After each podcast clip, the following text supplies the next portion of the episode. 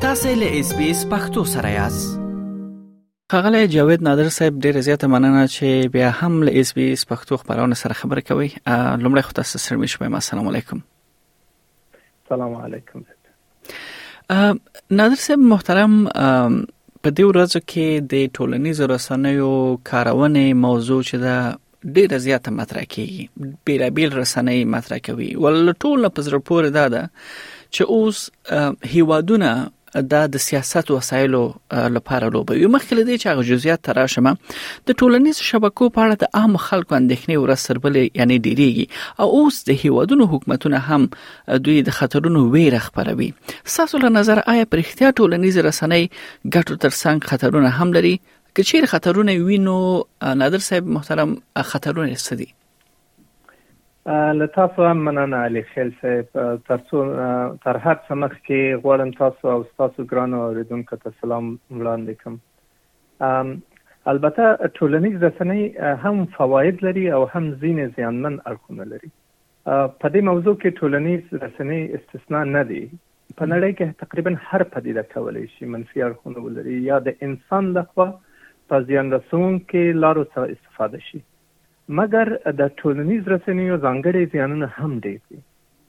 څیړنې ښودلې چې ټولنیز رسنې کولی شي د کاروونکو رواني روغتیا باندې فشار ډیر کړي. د افواهاتو یا زیان رسونکو معلوماتو د خپریدو وسیله وشي چې په ټولنه کې نور نفاق او پراکندګي ایجاد کړي. کولی شي د کارونکو شخصي معلومات افشا کړي چې د ټولنیز رسنیو شرکتونو یا نورو خصوصي او دولتي سازمانونو لخوا څخه ناوړه ګټه اخیستل شي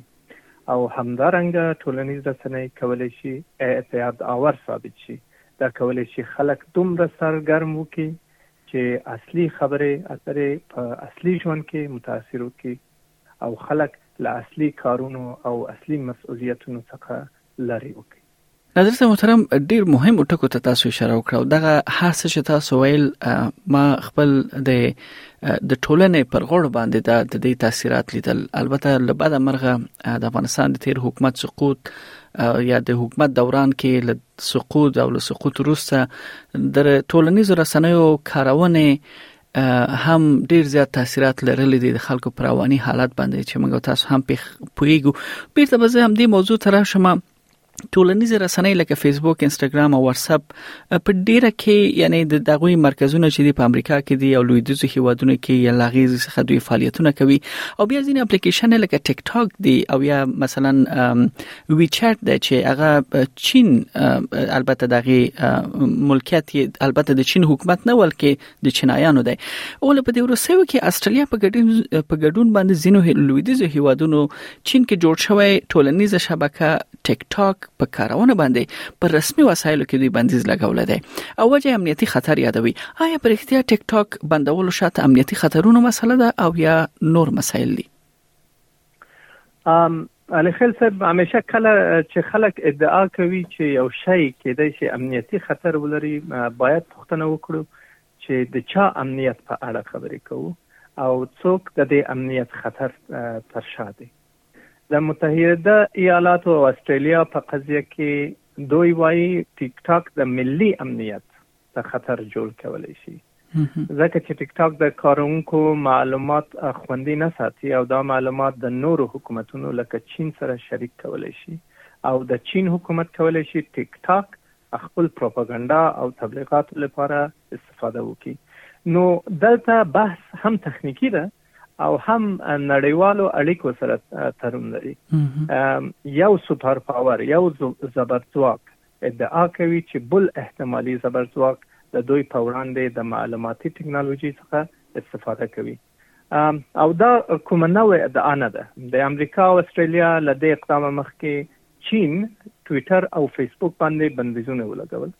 همداشان د روسیې ایران او شمالي کوریا په څیر هیوادونو هم د دې همدې دلیل په خاطر فیسبوک بند کړی دی نو د ټولنیز رسنیو د شبکه د بندیز پریکړه د دولتونو ترمنځ د لوی سیاسي سیالۍ یوه مهمه برخه ده نو تاسو پوښتنې ته راګرځم آیا ټیک د ټیک ټاک شاته رښتنی خطرونه شتون لري یا نه بلې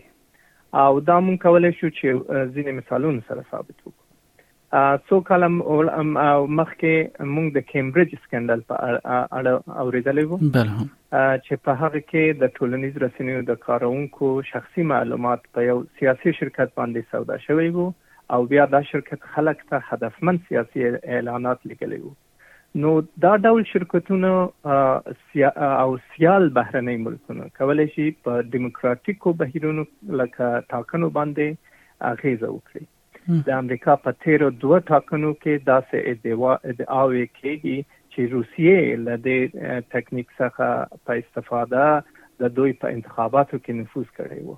نو د دې بالکل احتمال شته حالانکه کوم شواهد تر اوسه نه دی راغلی بلکې د دې احتمال شته چې ټولنیز رسنۍ لکه ټیک ټاک، فیسبوک، ټویټر د دښمن دولتونو لخوا د بل دولت په وړاندې کارول شي او ډیر زیات په زړه پورې ده په رښتیا هم ځکه چې دا خو د میلیارډونو وګړو پیروان چې هر داسې یو شبکه ولري نو لکه څنګه چې تاسو اشاره وکړه دا کې دی چې د داخلي مسایلو کې د غوي لاس وخنه باعث شي او د سیاستونو د بدلون باعث شي بل دلته یو موضوع تاسو مطرح دی د زینو رس ټولنیزو رسنیو کړه په ځنګړي ډول تاسو د ټیک ټاک په اړه وویلي ولې د ټیک ټاک او نورو ټولنیزو رسنیو لکه فیسبوک امنیتي خطر یا زیان توپیر په څه کې دی یعنی آیا دوی یو شان عمل کوي یا یو رقم پر دوی باندې کنټرول دی یا یو رقم خطر د نورو هیوادونو پر وړاندې پیښول شي یا په دې کې توپیر شته دلته ټیک ټاک او فیسبوک او ټویټر ترمیان ډیر مشابهتونه هم دي او ځینې توپیرونه هم پکې شته دي دا تقریبا د مولانا بلخی هغه شعر مې را یادوي چې ویلی وو هندیان را اصطلاح هند مد سندیان را اصطلاح سند مد در حق او مدح و در حق تو زم در حق او شهد و در حق تو سم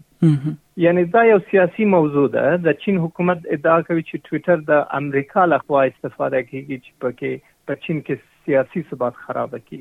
څو کاله مخکې په یوټیوب کې په ترکیه کې یوټیوب بند وو ځکه د ترکیه حکومت په په کې د اتاتورک په اړه ویډیوګانې پیدا کړې وو چې د حکومت رسمي پالیسي سره په تصادم کې وو او امریکایي یا غربي هیوادونو دا دا یو مشکل نه بولی ځکه چې په امریکا او غربي هیوادونو کې لیبرال دیموکراسي ارزښتونه لکه ازادي بیان داسې مهم ارزښتونه دي چې او دوی په یو سیاسي فرهنګ بدل شوی دی نو دا که ټیک ټاک بد دی دا کېدای شي چې په امریکایي حکومت داسې یو نظر ولري چې په امریکا کې بد دی او که ټویټر بد وي چینایي حکومت دا نظر لري چې دا په چین کې بد دی کېدای شي دا په امریکا کې بد ونه وي ډیر زیات په زړه پورې ده بل همدې سره سوال دا هم پیدا کیږي چې آیا دغه ټولنیز رسنۍ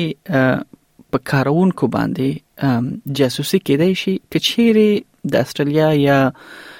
حکومت او یا هم لویدیز دا وایي چې د ټیک ټاک معلومات کولای شي چې د چین حکومت چې هغوی قدرت لري پر ټولو دغه سه شبکو کمپنیو باندې چې په چین کې فعالیتونه کوي لاغوي څخه یعنی په زور یا یا یا په ډیر اسانه واخلي نو دا څورته معلومات له شبکو څخه د یو استرالیایي وګړي په توګه چې موږ تاسو دلته اوسېږو آیا حکومتونه تر لاسه کولای شي دلته قوانين موجود دي یعنی یا په دې کې ایس داسې یو یو یو سرحد دی چې هغه اجازه نه ورکوي چې د حکومتونو زموږ تاسو موبایلونو یا ټولنیزو رسنیو لاره مونږ ته نه نوځي او زموږ معلومات واخلي دی په اړه تاسو وایي دا د ټول هیوادونه کولای شي چې خپل شخصي اتباع او معلومات څخه حتما ګټه واخلي که خو بیا داسې په استرالیا او په په امریکا کې داسې د قانونیت او شفافیت ارزښتونه دې چې دلته ډېر محکم دې او دلته ټولنیز مدني ټولنه هم ډېر قوي دې او دوی دې حکومت د سوء استفاده زمینه تنګولی شي چې زما نظر دا دی چې هر هیواد کې مونږ کله چې خبرې کوو بیا دا د هغه هیواد کانټیکټ څخه باید ځان خبر وکړو خو شواهد ښيي چې په امریکا او ډیموکراتیکو هېوادونو کې سیاسي ګوندونه د حکومت نه سیاسي ګوندونه د انتخاباتو پر مهال دغه معلوماتو څخه کار اخلي زه به یو زړه پورې ټکی وایم اوس داسې سمارټ واچونه شتون لري چې کولای شي تاسو د زړه د ضربات او داسې نور طبي معلوماتو په اړه معلومات ترلاسه کړئ دا د شرکتونو او حکومتونو لپاره آسان شوی دی چې پوه شي چې کوم ډول معلومات خلک جذبوي یا دوی ناراضوي، نو دوی کولی شي چې دا معلومات د خلک د کنټرول او نفوذ لپاره استفاده وکړي. خو اصلي جنجال په دا ده که چیرې استرالیایي حکومت خپل قوانین او پالیسیګانو په چارچوب کې دا کارونه کوي،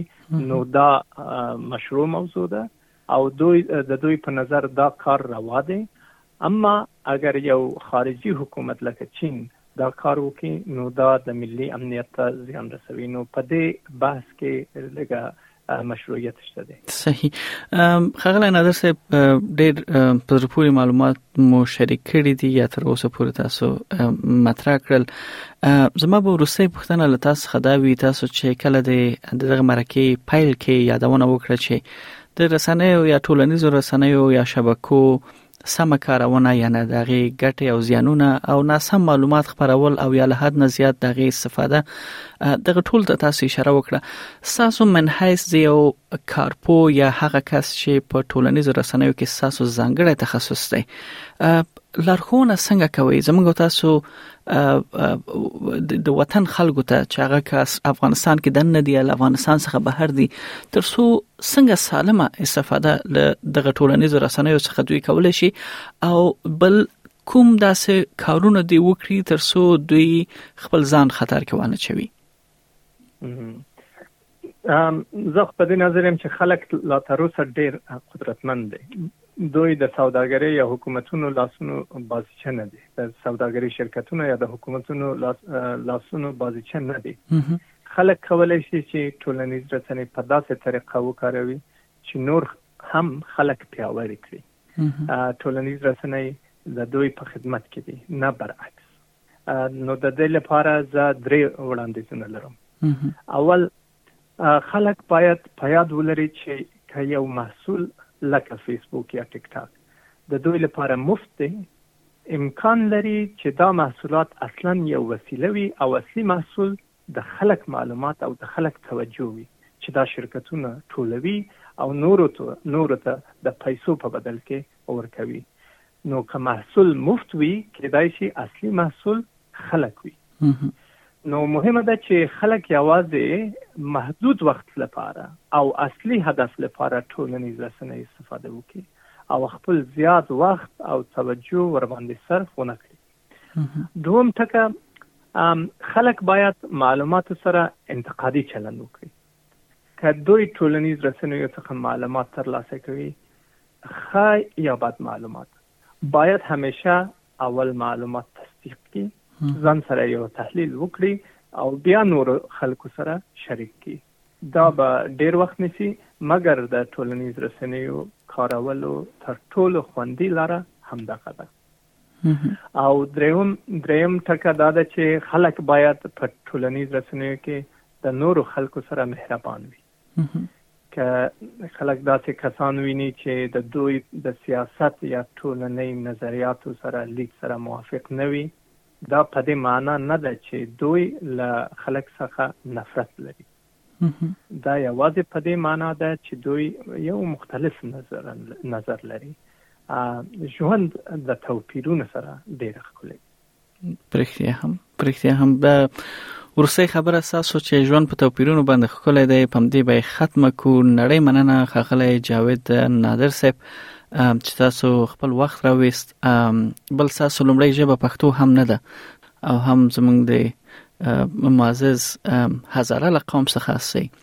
ول دغه معلومات چې تاسو په پښتو ژبه لمونږ سره شریک کړ ډیر د سایلو دي نړۍ مننه او په دې هیله چې تاسو دغه ګټور معلوماتونه زموږ اوریدونکو هم ګټه پورته کړی وي ډیر مننه